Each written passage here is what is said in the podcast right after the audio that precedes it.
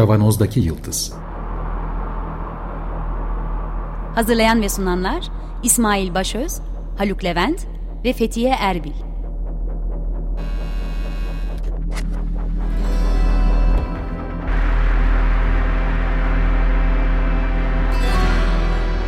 Bugünün penceresinden geleceğin ayak izleri. Zorlu Holding Sürdürülebilirlik Platformu Akıllı Hayat 2030, herkes için daha yaşanabilir bir dünya diler. Merhabalar, Açık Radyo'dayız. 95.0 Kavanoz'daki Yıldız programında sizlerle beraberiz. Yeniden geleceğin ayak izlerini sürmeye devam ediyoruz. Bu aralar e, dijital dünyadaki geleceğe yoğunlaştık. Son 1-2 aydır da konumuz Metaverse. Metaverse üzerindeki sohbetlerimize devam ediyoruz. Bu hafta üçüncü haftadır aynı konukla büyük bir keyifle sohbet etmeye devam edeceğiz. Sevgili doçent doktor Dicle Yurdakul bizlerle beraber. Tekrar hoş Merhabalar. geldiniz. Hoş bulduk. Çok teşekkür ederim. E, Haluk burada. Merhaba. Ben İsmail. E, ilk iki hafta biraz böyle bir kapsayıcı Metaverse sohbeti yapıp geçen haftada Metaverse'ün başka türlü kullanılabilme ihtimalleri olabilir miydi? E, olmadı. Kabaca neden olmadığı üzerinde biraz e, sohbet ettik. Ve sonunda ulaştığımız yer Dicle Hocam'ın söylediği çok beni de heyecanlandıran alternatifler vardı. Neydi işte edebiyatçılar için ayrı bir evren kurulabilir. İşte ne bileyim spor konuşmak isteyenler için ayrı bir evren kurulabilir ve buralarda günlük hayatımızın dışında başka evrenler içerisinde de zamanlarımızı geçirebiliriz ve çok da güzel olurdu diye çok küçük bir örneğiyle bize söylediği şey. Ama bu neden olmadı? Çünkü kapitalizm çok hızlı bir şekilde e, bunu aldı. Fago, ilk programda söylemiştik çok güzel. Fagostöz gibi gidip mahsetti, çiğnedi ve tükürüp attı ve çok hızlı oldu bu e, demişti Dicle Yurdakul. Burada da temel olarak temel motivasyonun çok rahat anlaşılabileceği, görülebileceği gibi bütün bu evrenlerin aslında birer AVM'ye dönüştüğü, birer pazarlama mekanlarına e, dönüştüğü, ürün satma mekanlarına dönüştüğü üzerinde hem fikir olmuştuk. Evet, pazarlama mekanları dedik. Metaverse'ün burayı nasıl kullanıldığına dair bugün bu alışveriş merkezlerinin insanlarla olan temasına dair sohbet etmek istiyoruz. Nöropazarlama denen kavram son yıllarda çok gündeme gelmiş olsa bile aslında izin verir misiniz arkadaşlar ben birkaç dakika 20. yüzyılın başına gideyim. Daha hiç bilgisayarlar, dijital iletişimler yokken başlayan çok büyük pazarlama manipülasyonlarının olduğunu biliyoruz. Ve buradaki temel figürlerden bir tanesi de Sigmund Freud'un yeğeni Edward Bernays'di. Amerika'da 1900'lü yılların başında Freud'un bazı e, aslında temel söylemlerinden birini bilinç dışı söylemini kullanarak malların satımı için insanlara bu malların nasıl duyurulabileceğini ya da insanların o mallarla nasıl ilişki kurabileceği üzerine bir takım taktikler geliştirmişti ve şirketlere satmıştı. Temelinde olan o sırada seri üretimin artmasıyla beraber ürünün artışı ve bu ürünün de o zamana kadar sadece ihtiyaç temelli alışveriş yapan insanlara satılması isteği e, var idi. Ve Edward Bernays de çok uzatmadan toparlamak istiyorum. Edward Bernays de insanların rasyonel kararı vermek yerine tırnak içinde bu arada çok kullanılıyor. Her, herkes bunu yeni keşfetmiş gibi falan kullanıyor. İşte nöro pazarlama buna dayanır falan filan. Hayır 1900'lerin başından bahsediyoruz. Edward Bernays de insanların duygusal motivasyonlarını daha çok gündeme getirecek işte şimdi alt beyin, ilkel beyin vesaire diye adlandırılan davranış bilimi içerisinde duygusal motivasyonlu hareketlerine yönelik manipülasyonlar geliştiriyor. Küçük bir örnek ben söyleyeceğim. O zamanlar Amerika'da kadınların sigara içmediğini, bu örneği herkes biliyordur da e, buradan yürüyelim tekrar. Amerika'da kadınların sigara içmesinin toplumsal kültür içerisinde hoş karşılanmadığını ve bu yüzden de içmediklerini e, biliyoruz. Ve sigara pazarının %50'si eksik kalmış oluyor. Bunu nasıl yaparız diye Edward Bernays'e e, danışıyorlar ve o da muhteşem bir fikirle geri dönüyor.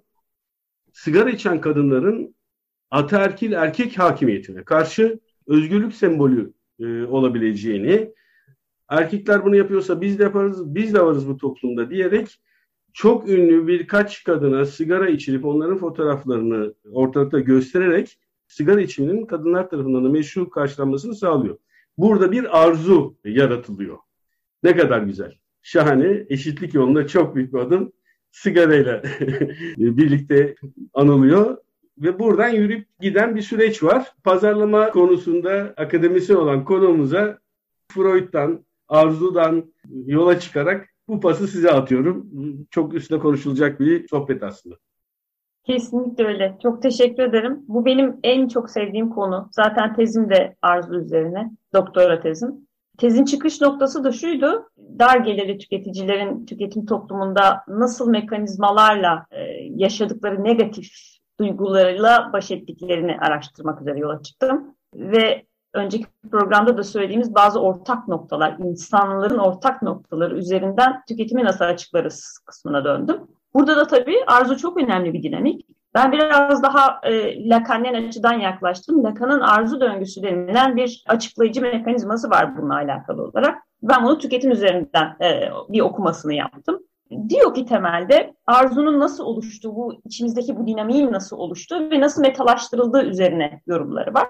Bunun çok farklı kaynakları olduğuna dair farklı teoriler var. Şöyle başlayalım. Arzu dediğimiz şey aslında insanın içerisinde hissettiği bir yoksunluk, eksiklik hissine dayanıyor. Bu vardır ya hani biz bunu nasıl somutlaştırırız bazen? Sanki hayatımıza aniden bir kadın ya da erkek girecek ve işte diğer yarımızı bulmuş olacağız ve kendimizi bütün gibi hissedeceğiz. Sanki bir kariyer basamağına ya da bir maddi varlığa ulaştığımız zaman kendimizi ya bir şeyler eksik, yani eksik bir şey mi var hayatımın şarkıya kadar gidelim. O eksikliği tamamlayabilecekmişiz gibi bir yanılgı içerisindeyiz de hepimizin içinde bu eksiklik duygusu var. Bu duyguya Lacan lack, yokluk, boşluk, eksiklik olarak Türkçe'ye çevirebileceğimiz bir tabirle yaklaşıyor. Ve bunun nedenini de aslında birkaç farklı teoriye bağlıyor. Örneğin bunlardan biri dille alakalı teoriler. Siz asla e, sosyalleşme sürecinde, bebeklikte dili öğrenmeye başladığınız aşamada içinizde olup bitenleri, duygularınızı karşı tarafa aktarmaya çalışıyorsunuz. Ancak dil çok kısıtlı bir araç bunun için. Ve içinizdeki duyguyu karşı tarafa aktarmaya çalışırken e, dil gibi bir basit araçla aslında sakatlanmış bir şekilde aktarabiliyorsunuz. Dolayısıyla söylemek istediğiniz şeyi hiçbir zaman gerçekten söyleyemiyorsunuz. Bu dille alakalı teori lekin ya da yokluk dediğimiz bu içimizdeki boşluk dediğimiz şeyin açıklayıcı teorilerinden biri olarak kabul ediliyor kimi düşünürler tarafından. Diğer tarafta bir meşhur ayna fazı vardır. Mirror face olarak adlandırılan. Bebeğin ilk defa kendisini aynada gördüğü nokta. Bu bebeğin kendini anneden bağımsız, dış dünyadan bağımsız, sınırları çizilmiş farklı bir varlık olarak algıladığı ilk noktadır. Dolayısıyla kendi gerçek varlığının ilk defa farkına vardı ve anneden bağımsız olduğunu düşündüğü ilk noktadır diyor bu teori. Ve bunu, bu farkına varış da ben farklı bir, ayrı bir yapıyım, bireyim. Dolayısıyla annemle bir bütün değilim, bütünleşik bir varlık değilim duygusuna yol açarak bir kopuş yaşamasına neden oluyor. Daha başka teoriler de var. Fetüsün anne karnındayken kadın ya da erkek olmayla alakalı dönüşümü yaşadığı esnada bir lek hissiyatının oluştuğuna dair teoriler de var. Bu çok çok başka başka yorumlanmış. Fakat gerçek olan şey şu, bizim deneyimlediğimiz şu, gerçekten hepimiz bir boşluğu doldurma peşinde koşuyoruz. Bu da, boşluğun da arzunun temel kaynağı olduğunu iddia ediyor Lacan ve bunun üzerinden de diyor ki insanlar bu boşluğu gidermek üzere metalara sarılırlar. Bu metanın günümüzdeki yansıması somut olarak tüketim nesneleri. Ama bu pekala bunun somutlaştırması bir kadına ya da bir erkeğe duyduğunuz aşkta da tezahür edebiliyor. Ya da bir bugünün özellikle kitle iletişim araçları kültürü, tüketim kültürü dolayısıyla genellikle metalara tekabül ediliyor. Sanki bir şeye ulaştığımız anda o şey bizim o eksik tarafımızı tamamlayacak ve kendimizi yeniden bütün gibi hissedeceğiz. Yanılgısına kapılmış durumdayız. Bunu bir yanılgı olarak söyledim. Bu bir yanılgı çünkü asla tamamlanamayacak bir boşluk hissinden bahsediyoruz. Hatta boşluk evet. büyütüle, büyütülebilmesi söz konusu deyip devam edeyim. E, evet kesinlikle çünkü her deneme başarısızlıkla sonuçlanmaya mahkum. Bunu isterseniz bir aşk ilişkisi olarak düşünün. Bir insana karşı duyduğunuz bir aşk ilişkisi veya bir metaya karşı duyduğunuz aşka benzer bir ilişki, bir arzu ilişkisi olarak düşünebilirsiniz. Her elde edişten sonra aa bu değilmiş diyorsunuz. Bu başarısızlığa mahkum bir döngü. Çünkü o boşluk hissini hiçbir nesne, hiçbir varlık, hiçbir ilişki, hiçbir statü doldurmayacak. Dolayısıyla tüketim döngüsünün okuması açısından bu döngüyü birleştirecek olursak sizin elde etmeye çalıştığınız, arzuyu tetikleyen her türlü mekanizma, televizyon, etrafınızdaki insanlar, sosyal çevreniz, şu arabayı değil de bu arabaya bin diyen kanaat önderleri ya da sizin kanaat önderi kabul ettiğiniz kişiler arzuyu belirli nesnelere, metalara doğru yönlendiriyorlar. Ve siz de bu yönlendirme dolayısıyla belki buraya eriştiğimde o hissi birazcık da olsa tatmin edebileceğim, bu boşluk hissini biraz olsun kapatabileceğim düşüncesiyle sürekli bu döngü içerisinde kalmaya devam ediyorsunuz. Temel tetikleyici mekanizmalardan, açıklayıcı mekanizmalardan bir tanesi aslında bu benim perspektifimden. Ve konumuza dönecek olursak bütün pazarlama kültürünün de temelinde bu arzu tetikleyici mekanizmalar yatıyor. Sizin de bahsettiğiniz gibi 1900'lerin başından beri artık ihtiyaç diye bir şeyden bahsetmiyoruz ki bence çok zaten yani uzun yüzyıllarda da bahsetmiyorduk ama adaptasyon sürecinin çok yüksek rakamlarda ya da fazla kişiyle gerçekleşmesi 1900'lerin başına tekabül ediyor. Yoksa bence bu döngü her zaman e, var olan bir döngü. Ve pazarlamada bu amacın üzerine yükselmiş bir alan tamamen de geri dönmemek üzere geçtiğimiz senelerde online'a kaydı malum. Yani bütün artık Covid döneminden sonra bizim gerçek hayatta diyeyim analog hayatta sürdürdüğümüz pazarlama aktiviteleri online olarak sürdürmeye başlandı ve burada da aslında bizim biraz önce ya önceki programlarda da konuştuğumuz gibi Metaverse'ün neden bu kadar hızlı ticari bir alan haline dönüşmesini açıklayan da bir durum var. Yarı fiziksel, yarı dijital bir deneyim sunuyor Metaverse size. Ee, sadece online deneyimden daha zengin bir deneyime geçmiş oluyorsunuz. Pazarlamacılar için bulunmaz fırsat. Zaten bu alanlarda öncelikle sosyal medyacıların ya da işte sosyalleşme ile alakalı bu ister iş ister özel hayat sosyalleşmesi olsun. E, bu e, işte Facebook gibi ya da işte diğer e, sosyal medya mecralarının şirketleri gibi bir takım şirketlerin işin içerisine girmesine ve pazarlamacıların da işin üstüne atlamasına sebep oldu. Çok verimli bir alan. E, deneyimsel pazarlama için çok zengin bir ortam sunuyor. O yüzden e, aslında çok da şaşırtıcı bir şey değildi yani. Burada bir şey daha eklemek gerekiyor. Biz geçtiğimiz sene bu aylarda yaptığımız serimizde sosyal medya serisinde de çokça konuşmuştuk. Aynı zamanda tüketici kısmını yönlendirebilmek için, daha çok yönlendirebilmek için veri toplanması söz konusu. Elbette çok iyi biliyoruz. İşte bu verilere göre yeniden üretim planlaması, tırnak içinde söylüyorum ben bunu gerçekten. İşte oradaki arzuları yeniden pohpohlayacak, yeni arzular yaratacak söylemler kullanabilmek için biraz daha bilimsel çalışmalar yapabilmek için verilerin toplanması. Şimdi Metaverse ile beraber ha bu arada çok uzun süre veri toplanmasında sadece alışveriş alışkanlıkları, işte neyden hoşlandığı, neden hoşlanmadığı, nereye gittiği vesaire gibi veriler toplanırken önemli bir kısım eksik kalıyordu. Haluk da çok sık söyler. Bizim de en çok üstte durduğumuz kısım duygusal verilerin toplanması çok çok daha önem taşıyor aslında ve bu yönde de birçok adımlar atılmaya başlandı e, duygusal verilerin toplanmasında artık şimdi nöro pazarlamacıların da çok kullandığı işte göz hareketlerinden tutun da ter bezlerinin aktivasyonunu ölçen galvanik deri tepkimesi cevaplarına kadar bir sürü o duygusal olarak nasıl hareket ettiğini e, toplamaya ihtiyacı var. Duygusal olarak ne reaksiyon gösterdiğinde toplamaya ihtiyacı var. Yine bu pazarlama aktivasyonunun. Metaverse'de de bunu çok rahatlıkla yapabileceğine dair e, bir hissiyatım var. Hissiyat değil de görüyoruz artık. Hele hele iki program önce bahsettiğiniz o sensörlü giysilerin de giyilebilmesiyle beraber göğüs hareketi, ter bezleri, işte ifadeler, sözler, e, işte öfkeler vesaire falan filan duygusal verilerle normal günlük hayattaki hareketlerin verilerini bir araya getirerek çok daha büyük bir veri ağı oluşturmak mümkün. Yani şu anda sadece laboratuvara alıyoruz, bir reklam filmini gösteriyoruz, EEG dalgalarını izliyoruz. Fonksiyonel MR'ını izliyoruz. Hiç bunlara gerek kalmayacak. Çünkü bunların hepsi, bu verilerin hepsi binlerce, milyonlarca veri yapay zeka e, yoluyla çok daha rahat analiz edilebilecek duruma gelecek. 20 kişilik bir denek grubundan veri toplamaktansa 20 milyonluk bir set de çıkacak elimize. Şahane bir pazarlama alanı değil mi bu noktada? Daha doğrusu şahane bir veri toplama ama pazarlama amaçlı olarak düşünüyorum bir yandan da Metaverse dünyasını. Kesinlikle öyle. Bir de daha enteresan tarafı şimdi biz nöro işlerinde bilgilerini laboratuvara aldığımızda hipotetik bir takım satın alma davranışları üzerinden gidiyoruz.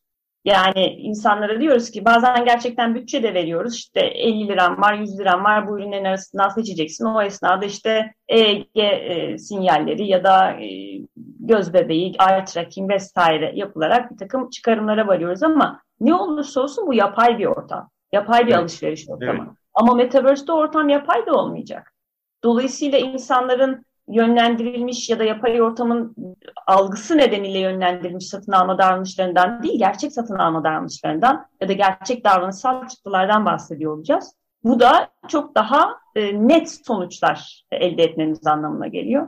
Tabii ki çok ürkütücü. Hiçbir konularla alakalı da kaçış alanı olduğunu düşünmüyorum. Neticede o veri toplanacak, o veri ilişkilendirilecek, o veri şirketlere satılacak ve bize daha iyi ürün satışı için taktikler olarak geri dönecek. E, klasik pazarlama döngüsü. Daha iyi ürünler değil de çok hoşuma gidiyor. Geçen programlarda hep söyledik bu hafta bu haftalar işte bu margarini yerseniz bu kadar mutlu bir aileye sahip olacaksınız şeklinde iyi bir ürün. Valla bu... Bu arabayı bu, binerseniz çok iyi hissedeceksiniz kendinizi şeklinde iyi bir ürün oluyor tabii. Bu pazarlamayla sınırlı kalsa neyse de e, asıl yeni bir toplumsal mimari oluşturmak için de kullanılıyor. Yani ekonomik kontrolün yanı sıra bir de toplumsal kontrol mekanizması olarak bir araç olarak kullanılıyor. O da şirketlerin elinde olduğu için şirketler tarafından kullanılıyor üstelik. O kontrol gücü de toplumsal kontrol gücü de bir metala haline dönüşebiliyor. İşte şeyin Cambridge Analytica'da biliyoruz 65 tane bilinebildiği kadarıyla 64 tane e, seçime müdahale ettiklerini söylüyorlar. Belki daha fazladır. Ama onun ötesinde gerçekten... Hani özür dileyerek e, şöyle ekleyeceğim. Sadece seçime müdahale etmede değil. Şu anda dünyada sağ popülist hareketlerin, atıyorum komplo teorilerinin e, birçok noktada sadece sandıkla ilgili değil bu toplumsal, evet. siyasal müdahale açıkçası yani değil bayağı bir formasyon oluşturuyorlar. Yani Nazizmin ya da İtalyan faşizminin e, daha ilkel araçlarla gerçekleştirdiği o kütlesel yönlendirme işlerini daha rafine araçlarla ve başarılı da sayılabilecek bir şekilde gerçekleştiriyorlar. Tabii karşılarında sonuç itibariyle bu antipopülist hareketlerin de ya da popülizm karşısındaki hareketlerin de yaptığı, yapabileceği şeyler var ama onlar ahlaklı davrandıkları, ötekileri e, herhangi bir ahlaki sınırla kendilerini bağlı hissetmedikleri için eşitsiz bir dövüş. Yani mücadele gerçekten zor. O bakımdan ben bu duygusal verilerin toplanmasını bu açıdan çok tehlikeli buluyorum. Yoksa onu sattım, bunu aldım bilmem ne falan e, o kadar önemli değil aslında nihayetinde. Evet, e, geçtiğimiz hafta da konuşmuştuk. Bu ortamların başka türlü kullanılması belki mümkün olabilecekken buraya ağırlıkla dönüyor olması aslında şu anda yaşadığımız gerçekliğin oraya taşınması anlamına geliyor. Tekrar söylediğimiz gibi yeni bir ilişkiler ağı değil artık yani bu noktada. Taşınmanın ötesinde İsmail o taşınmanın sonucunda oluşan ortam burayı bozuyor. Yani şey örneğini vermiştim, fringe örneğini vermiştim. Yani hakikaten paralel evrenler metaforuyla belki yaklaşabiliriz buna. Ama paralel evrenler hakkında bildiğimiz tek şey paralel olmadıkları yani. Birbirinin içine geçiyor. Birbirinin içine geçtiği zaman ikisi birden çöküyor. Uzantı. Ee, yani kendi gerçekliğimizi iyi bir yöne gidebilecek, bir, bir mücadele alanı genişlemesiyle iyi bir noktaya gidebilecek gerçekliğimizin önünü de tıkıyor. Yani bu dolayısıyla teknolojinin hani bir katalize olarak ya da yeni bir imkan, yol açma e, fonksiyonunu düşünecek olursak tam da bu e, noktalarda çok sıkıntı çekebiliriz diye düşünüyorum. Bu arada tabii şöyle de bir durum var. Metaverse ile ya da Metaverse evrenleriyle gerçek evren, analog evren bir arada da yürüyecek gibi savlar da var. Yani ben neticede işte bir Google Glass gibi bir gözlük takarak Metaverse'deki hayatımla buradaki gerçek hayatımı bütünleştirebiliyorum. Atıyorum Metaverse'te işte bir arkadaşımla e, sohbet esnasında Aynı zamanda yolda yürüyebiliyorum ve arkadaşımın avatarı da yanımda yürüyor. Yani bu evrenlerin iç içe geçmiş hangisi gerçek hangisi işte tırnak içerisinde alternatif gerçek karışmış tamamen karışmış formları da hayatımıza girebilir ki niye girmesin? Bu teknoloji zaten elimizde mevcut. Aynı zamanda şey de o, o geçişkenlik benim çok ilgimi çekiyor açıkçası. Çünkü şu anda mesela Metaverse'de avatarlar için e, kıyafetler vesaire satılmaya başladı. Çok büyük markaların burada e, şeyleri açtıkları mağazalar var ama ben gerçek hayattaki Dicle değil avatarıma kıyafet alıyorum. Yani bir çanta 4000 dolara satılıyor. Hiç avatar çantası ama ben onu gerçek dünyada kullanmıyorum. Avatarıma alıyorum yani. Ve bahsettiğim rakam 4000 dolar çünkü orada avatarımın da kendini genişletilmiş benlik teorisi diye bir teori var e, tüketici davranışları alanında. Bu teori diyor ki ben kullandığım metalarla ideal benliğime ulaşmanın bir göstergesini kendime eklemiş oluyorum. O çanta benim ideal benliğimi simgeleyen bir meta ve o metayı e, ben şöyle bir insanım.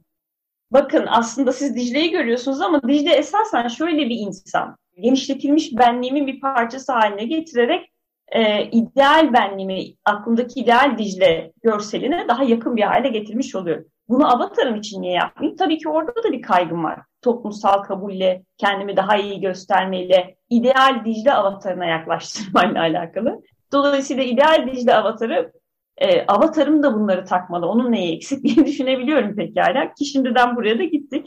E, avatarlar için kıyafet satılıyor, aksesuar satılıyor, silah satılıyor hatta. Yani özel tasarım silah satıyorlar. Oyunun içerisinde kullanabildiğiniz silahlar. Müthiş bir butiği var. Bu, bu da enteresan. Deneyimsel pazarlama, haz üzerine oynanabilecek her şeyi şu anda oraya yüklemiş durumdalar. Tabii çok daha geliştirilecek de. Yani mağazanın içerisine girdiğinizde mükemmel bir haz alıyorsunuz. Görseli çok kuvvetli, inanılmaz bir tasarım harikası. Haliyle orada deneyimsel pazarlamanın o hazza dokunan noktaların da şimdiden çok iyi bir şekilde entegre edildiğini görüyoruz. Ee, yani sonsuz olasılıklar evreni ama olasılıklar insanı iyi bir yere mi götürür ya da yani neye göre iyi, kime göre iyi tabii de. Yani burada sıkıldığımız, kaçmak istediğimiz neyi e, oraya taşır, neyi taşımaz çok çok farklı konular. Bu arada biz bunlardan rahatsız oluyoruz diye başka insanların da rahatsız olması gerekmiyor. Tabii evet. neticede birisi o çantaya 4000 dolar vermiş. Avatarının kolunda şu anda Fortnite'la onunla geziyor. Ee, ve bundan gayet mutlu çok büyük ihtimalle. Ve son bir olarak da yine bu pazarlama sırasında özellikle arsa satışlarında bence en çok en büyük motivasyonu sağlayan fear of missing out'tan bahsedebiliriz değil mi? Kaçıyor, arsa kaçıyor. Arsaları da yakalamamız lazım gibi bir sürü aslında e, noktalarda e, uygulanabilecek. Yine pazarlamanın da bir parçası olabileceğini düşündüğüm kaçırma korkusu, dışarıda kalma korkusu yine burada kullanılabilecek. Öyle değil mi Sayın Dicle Hocam? Kesinlikle öyle. Her yerde kullanılabildiği gibi burada da gayet rahat kullanılabiliyor. E, şu andaki durumda yani mesela Metaverse'de konsere gitmemiş olanlar kendilerini eksik hissediyorlar. Acaba orada nasıl bir hazzı kaçırdım diye kişisel olarak çok bir şey kaçırdıklarını söyleyemeyeceğim. E, niye ise bu Metaverse'deki avatarlar falan da çok primitif. Second Life'da bizim güzel güzel avatarlarımız var. Şu anki avatarlar çok saçma sapan hiçbir görseli yok vesaire. Bana çok çirkin geliyorlar. Yani çok da bir şey kaçırmış sayılmaz aslında bakarsanız ama korku baki özellikle bu yatırım alanındaki korku da çok enteresan. Arsalar kapışıldı işte modada arazi kalmadı vesaire. Burada şimdi şunu söylemek lazım. Ya binlerce alternatif evren oluşturulabilir.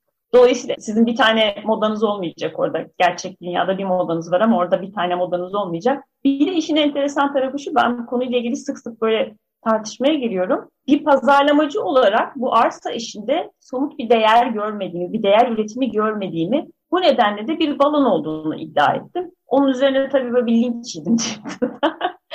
Ama şöyle düşünüyorum. Neticede birden fazla sayıda üretilebilir scarce resource işte kısıtlı kaynak olarak nitelendirilemeyeceği bir şeyden bahsediyoruz, varlıktan bahsediyoruz. Orada da şöyle bir eleştiri getirilebilir. Bu evrenlerin bazıları tıpkı şey gibi düşünelim. E, Facebook tuttu, sonra yerine Instagram geldi, sonra işte bir ara bu Clubhouse çıktı da sonra söndü vesaire. Bu Metaverse evrenlerinin de bazıları diğerlerine kıyasla daha popüler olacak. Dolayısıyla ben Mesela Decentraland'e gitmem çünkü orası artık çok fazla insanın gitmediği bir yer. Ama Sandbox'a giderim çünkü orada çok fazla insan var, çok fazla mağaza var. Popüler markalar hep orada. Yani popüler bir AVM ya da popüler bir sosyal medya mecrası e, ve diğer yanda daha az popülerleri gibi düşünebiliriz. Şu anda ben hangi Metaverse'ün bugünün Instagram'ı, TikTok'u olacağını bilmiyorum. Dolayısıyla ben oraya gidip 15 bin dolara minicik bir parsel almak benim açımdan akıllı bir yatırım değil. Çünkü bu evrenin e, insanlar tarafından kabul gören, değer gören makbul bir evren olup olmayacağını bilmiyorum. Bir, ne kadar süreyle o makbul durumunu koruyacağını da bilmiyorum. İki, yani tıpkı insanların artık Facebook'u terk edip Instagram'da, TikTok'ta takılması gibi bir gün Decentraland'ı terk edip Sandbox'ta başka bir evrende de takılabilirler. Neye istinaden paramı yatırayım ben oraya şimdi? Ama Tabii o... tekrar konuşuyorum. Samsung'sanız yatırırsınız. Hatta her evrenden arazi alırsınız. Problem yok ama Dicle alır mı? Ben almam şahsen. O makbullüğü şöyle de yaratabilirsin. Yani mesela ben gidip Fenerbahçe stadını satın alıp Ulubatlı Hasan'ın avatarıyla oraya bayrak diktirirsem şimdi Fenerbahçelilere çok bayağı yüksek bir fiyata satabilirim geri. Galatasaray bayrağı dalgalanıyorken onun etrafında e, çeşit çeşit e, e, apartmanlara ya da arazileri neyse Galatasaraylılara verebilirim falan. Yani ne bileyim böyle evet. bu, bu tür şeyler olabilir yani. Makbullük konusunda ben de sizi zaten makbul bir tüketici olmadığınıza karar verdim sevgili e, hocamız Dicle Yurdakul. Böyle rasyonel kararlar falan filan tüketici dediğin rasyonel karar vermez, irrasyonel karar verir. Çok rasyonel kararlar. Gerçek hayattaki uygulamasını görmek lazım. Teoride bunu patlatıyoruz ama. Bu haftalıkta programımızın sonuna geldik. Üç haftadır çok keyifle sohbet ettiğimiz sevgili konuğumuz doçent doktor Dicle Yurdakul'la beraberdik. Pazarlama, blockchain, metaverse bunların sohbetini sürdürdük 3 haftadır. Çok teşekkür ediyoruz. Çok güzel bir sohbet oldu. Benim için de ben de çok teşekkür ederim. Çok keyif aldım. Ee, devamını da getiririz e, analog hayatımızda diyor muyum? İnşallah. İnşallah. Keyifli. Bu haftalık programımız bu kadar. Bu programın size ulaşmasını sağlayan bütün Açık Radyo çalışan arkadaşlara çok teşekkür ediyoruz. Program destekçimize ve Açık Radyo programlarının bütün destekçilerine çok teşekkürlerimizi sunuyoruz. Önümüzdeki hafta tekrar görüşmek üzere. Sağlıkla kalın. Hoşçakalın.